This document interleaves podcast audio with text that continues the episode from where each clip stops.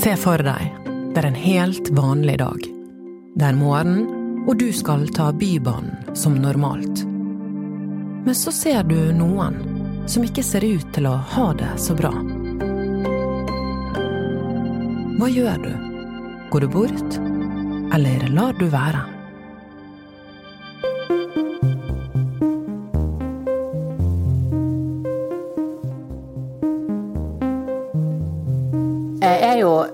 I hjertet mitt bergenser, men har bodd i Lofoten i 24 år snart. Jeg snakker med Vibeke Johansen.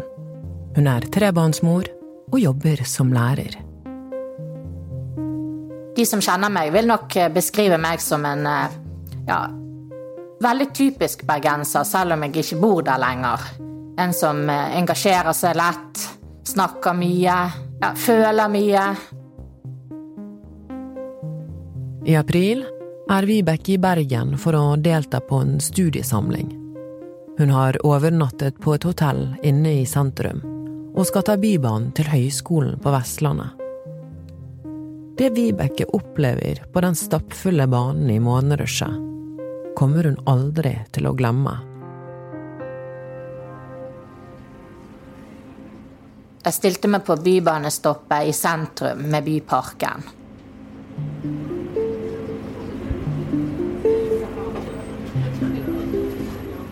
Det sto masse folk og ventet.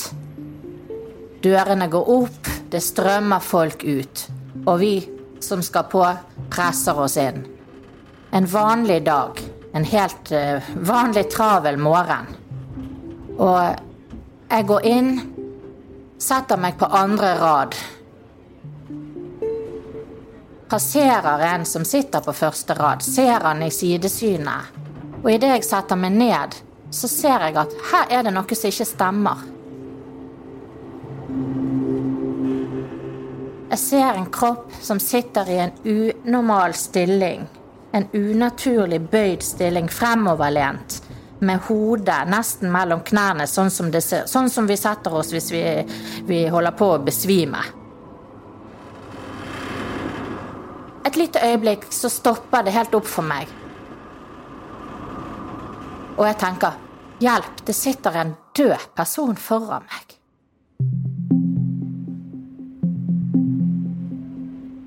Instinktivt reiser jeg meg opp, strekker meg over ryggen på han, lener meg fremover helt for å rekke halsen hans. Og kjenner på halsen om han har puls.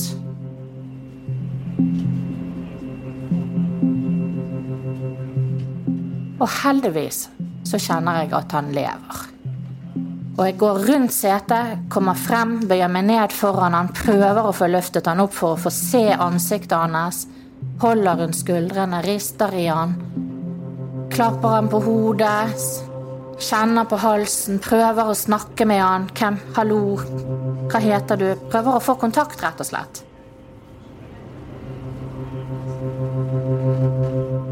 Fikk ingen kontakt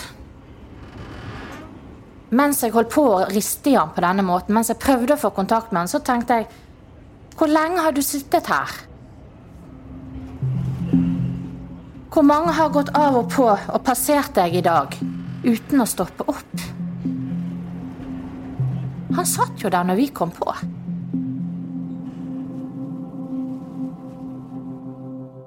Ute er det iskaldt, men han har bare på seg en T-skjorte og shorts.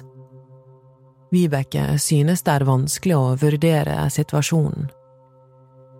Hva feiler det den unge mannen? Er det rus, epilepsi eller hjerneslag? Har hjertet stoppet? Hva er det som skjer med han? Jeg ser rundt meg og får blikkontakt med en annen ung dame. Den unge kvinnen og Vibeke går sammen for å hjelpe den livløse unge mannen. Vi var inne i en scene som pågikk parallelt med mobiler og folk som prater og folk som Altså, livet bare gikk rundt oss. Bybanen gikk, stoppet på første stopp, folk går av og på. Skjønner du? Det føltes som at nå er det bare vi som legger merke til at her er det en, menneske som kanskje sitter og dør foran oss. Vibeke ringer 113. Og mens hun snakker med alarmsentralen, beveger hun seg mot føreren for å be han om å stoppe Bybanen. Da var det også en annen eh, flott voksen mann som sa Kan jeg bistå med noe her? Og han stilte opp og sa ja, kan du stå her og passe på han mens jeg snakker med føreren.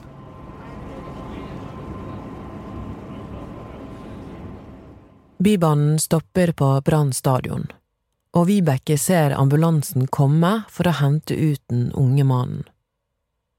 Hun går også ut, og fortsetter eh, til høyskolen, men hun får ikke ro. Det kverner i magen. Jeg tenkte jo på han hele tiden. Jeg tenkte på hvordan egentlig det gikk. Hva skjedde videre? Fikk han hjelp? Ble han tatt godt vare på? Jeg tenkte at et eller annet sted sitter der en mamma, forhåpentligvis en mamma, annen familie, som savner han, som lurer på hvor han er. Har han det bra? Jeg kjente den der følelsen av å holde rundt han. Den satt i meg i flere dager. Eh, det kunne vært min gutt som satt der like så mye som en annen sin gutt. Alle kan jo ikke blande seg i en sånn situasjon, det forstår jeg.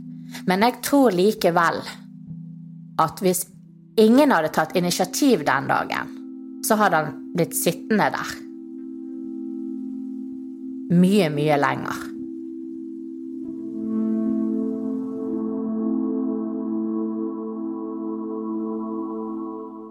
Vibeke får ikke den unge mannen ut av hodet.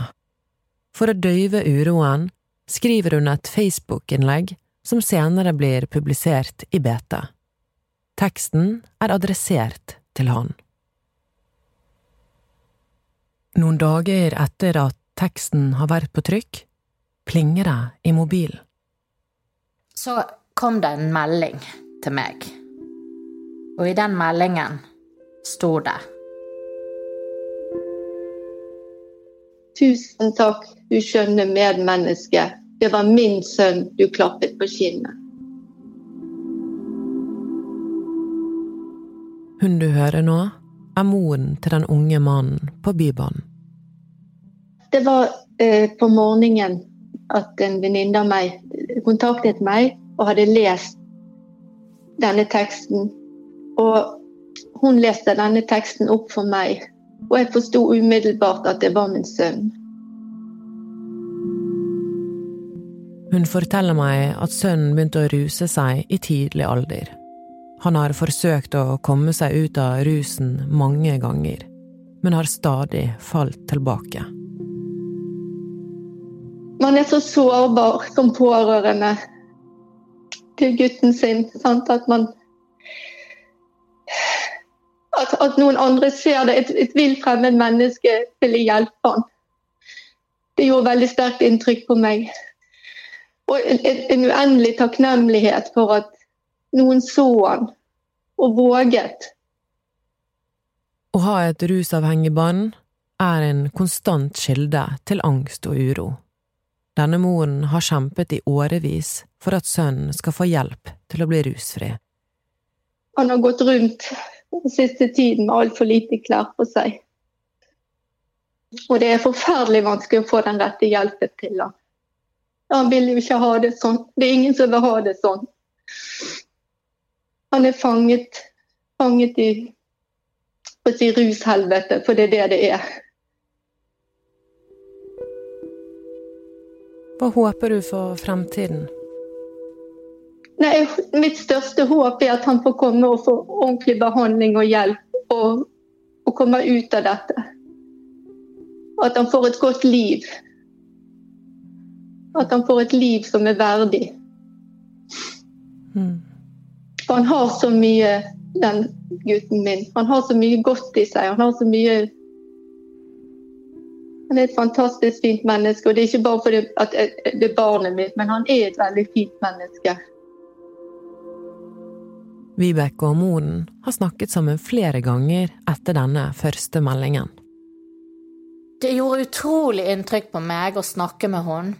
Jeg vet at det finnes mange narkomane.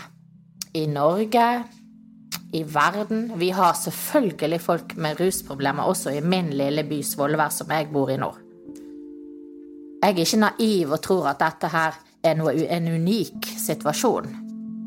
Men hvis vi andre slutter å vise hverandre at vi er verdifulle for hverandre, så mister veldig mange mennesker fullstendig følelsen av å være verdifull. Og de som trenger det mest, mister det i hvert fall. Så normen burde jo være å stoppe opp ved det vi ikke syns er greit, det vi ikke ville likt skjedde med de vi er glad i.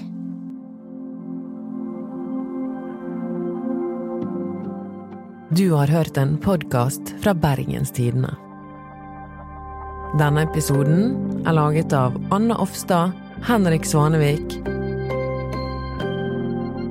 og meg, Anna Magnus.